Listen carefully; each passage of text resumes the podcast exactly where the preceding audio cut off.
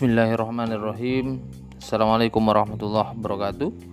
Semoga adik-adik mahasiswa sekalian dalam keadaan sehat walafiat Apalagi di dalam uh, kondisi pandemi Yang juga secara tidak langsung Memberikan sedikit atau banyaklah dampak terhadap proses perkuliahan kita uh, khususnya pada mata kuliah uh, belajar dan pembelajaran. Pada kali ini saya mengirimkan uh, rekaman konten daripada materi perkuliahan kita di mana pada kali ini kita akan membahas terkait dengan pembelajaran saintifik atau pembelajaran ilmiah kalau di pertemuan sebelumnya kemarin kita sudah membahas terkait dengan teori-teori belajar dari dari para ahli, kemudian pandangan-pandangannya termasuk pula tentu kekurangan, kemudian kelebihan daripada beberapa teori-teori belajar. Pendekatan saintifik atau scientific approach di dalam pembelajaran adalah uh, model yang model pembelajaran yang menggunakan langkah-langkah atau kaidah-kaidah kaidah-kaidah kaidah-kaidah ilmiah di dalam uh, proses pembelajarannya. Nah, tentu di dalam abad ke-21 ini pendekatan saintifik ini banyak digunakan di dalam proses pembelajaran di kelas di di banyak negara karena proses pendekatan saintifik ini mengasah secara tidak langsung nantinya outputnya nanti mengasah kemampuan e, berpikir tingkat tinggi atau dis, biasa disebut dengan HOTS atau High Order Thinking Skill di mana berpikir tingkat tinggi itu antara lain e, siswa diharapkan mampu menganalisis masalah-masalah kontekstual yang terkait di lingkungan sehari-hari siswa Tujuan pendekatan ilmiah di dalam pembelajaran antara, antara lain untuk meningkatkan kemampuan berpikir peserta didik, tentu berpikir tingkat tinggi, kemudian uh, juga membentuk kemampuan di dalam menyelesaikan masalah secara sistematik. Jadi perlu diingat bahwa pembelajaran saintifik itu di dalam prosesnya siswa mengalami langsung langkah-langkah ilmiah mulai dari misalnya mengobservasi atau mengamati kemudian menanya, kemudian mengumpulkan informasi, kemudian meng menganalisis atau mengasosiasi, juga uh, terakhir adalah mengkomunikasi atau di dalam uh, kurikulum 2013 ini disebut dengan uh, eh, 5M nanti. Ini nanti bisa di dicari apa itu 5M bagaimana bagaimana detailnya ya. Meskipun tadi saya sudah sebutkan mulai dari uh, mengobservasi sampai dengan dengan mengkomunikasi. Itu. Berikut adalah uh, bagaimana kemudian sih pandangan-pandangan uh, para ahli terkait dengan pembelajaran saintifik ini. Menurut Hosnan, pendekatan saintifik ini memiliki karakteristik antara lain berpusat pada siswa.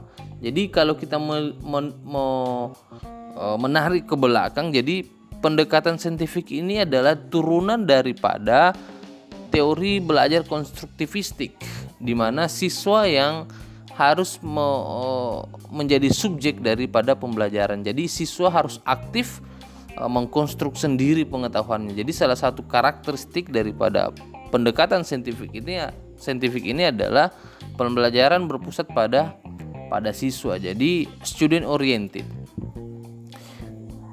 Karakteristik yang berikut adalah melibatkan keterampilan proses sains di dalam mengkonstruksi konsep, kemudian hukum-hukum dan prinsip-prinsip tertentu.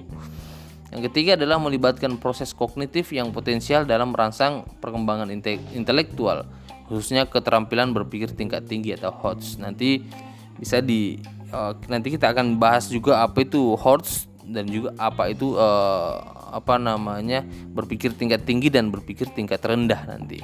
Nanti kita akan bahas juga uh, taksonomi belum.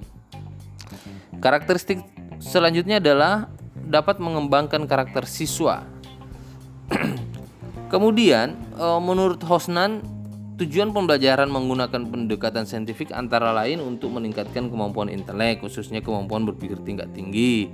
Kemudian untuk membentuk kemampuan siswa dalam menyelesaikan suatu masalah secara eh, sistematis menggunakan langkah-langkah ilmiah.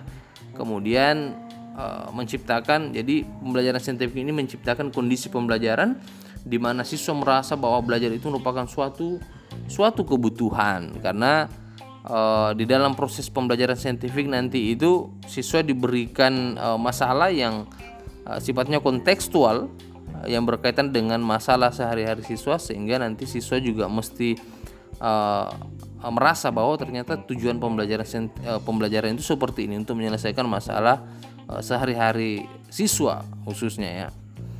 Kemudian diperolehnya hasil belajar yang tinggi ini masih terkait dengan HOTS nanti.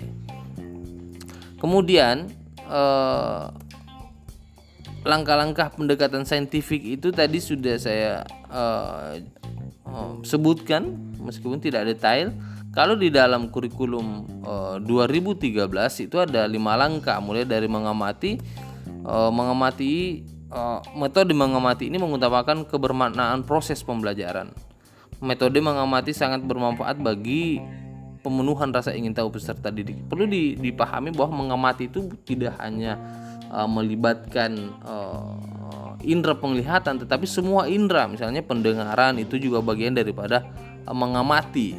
Itu. Langkah berikut adalah menanya. Jadi uh, dari masalah yang telah diamati, siswa mampu me, me, apa namanya merumuskan pertanyaan sehingga nanti pertanyaan itu dicari sendiri masalahnya oleh siswa. Adapun guru hanya ber, berperan sebagai fasilitator. Setelah menanya ada langkah ketiga adalah mengumpulkan informasi yang terkait dengan masalah-masalah. Kemudian langkah selanjutnya adalah mengasosiasi atau mengolah informasi yang tentu relevan untuk digunakan untuk menyelesaikan masalah. Kemudian terakhir adalah mengkomunikasikan eh, apa yang telah didapatkan atau eh, masalah apa yang telah diselesaikan. Itu adalah langkah 5M yang sekarang ini digunakan di dalam uh, kurikulum uh, 2013. Jadi di dalam kurikulum 2013 uh, siswa siswalah yang uh, yang aktif mengkonstruksi sendiri uh, pembelajarannya atau proses pembelajarannya. Adapun guru hanya tentu memberikan semacam uh, scaffolding. Scaffolding itu adalah uh, bantuan bantuan di dalam proses pembelajaran tetapi sifatnya hanya uh, porsinya sedikit ya porsinya tidak begitu banyak tetapi hanya mendorong saja siswa untuk belajar itu adalah prinsip-prinsip pengertian daripada pembelajaran saintifik nah pertanyaannya kemudian uh, kalau kita ingin menerapkan pendekatan saintifik model apa sih yang cocok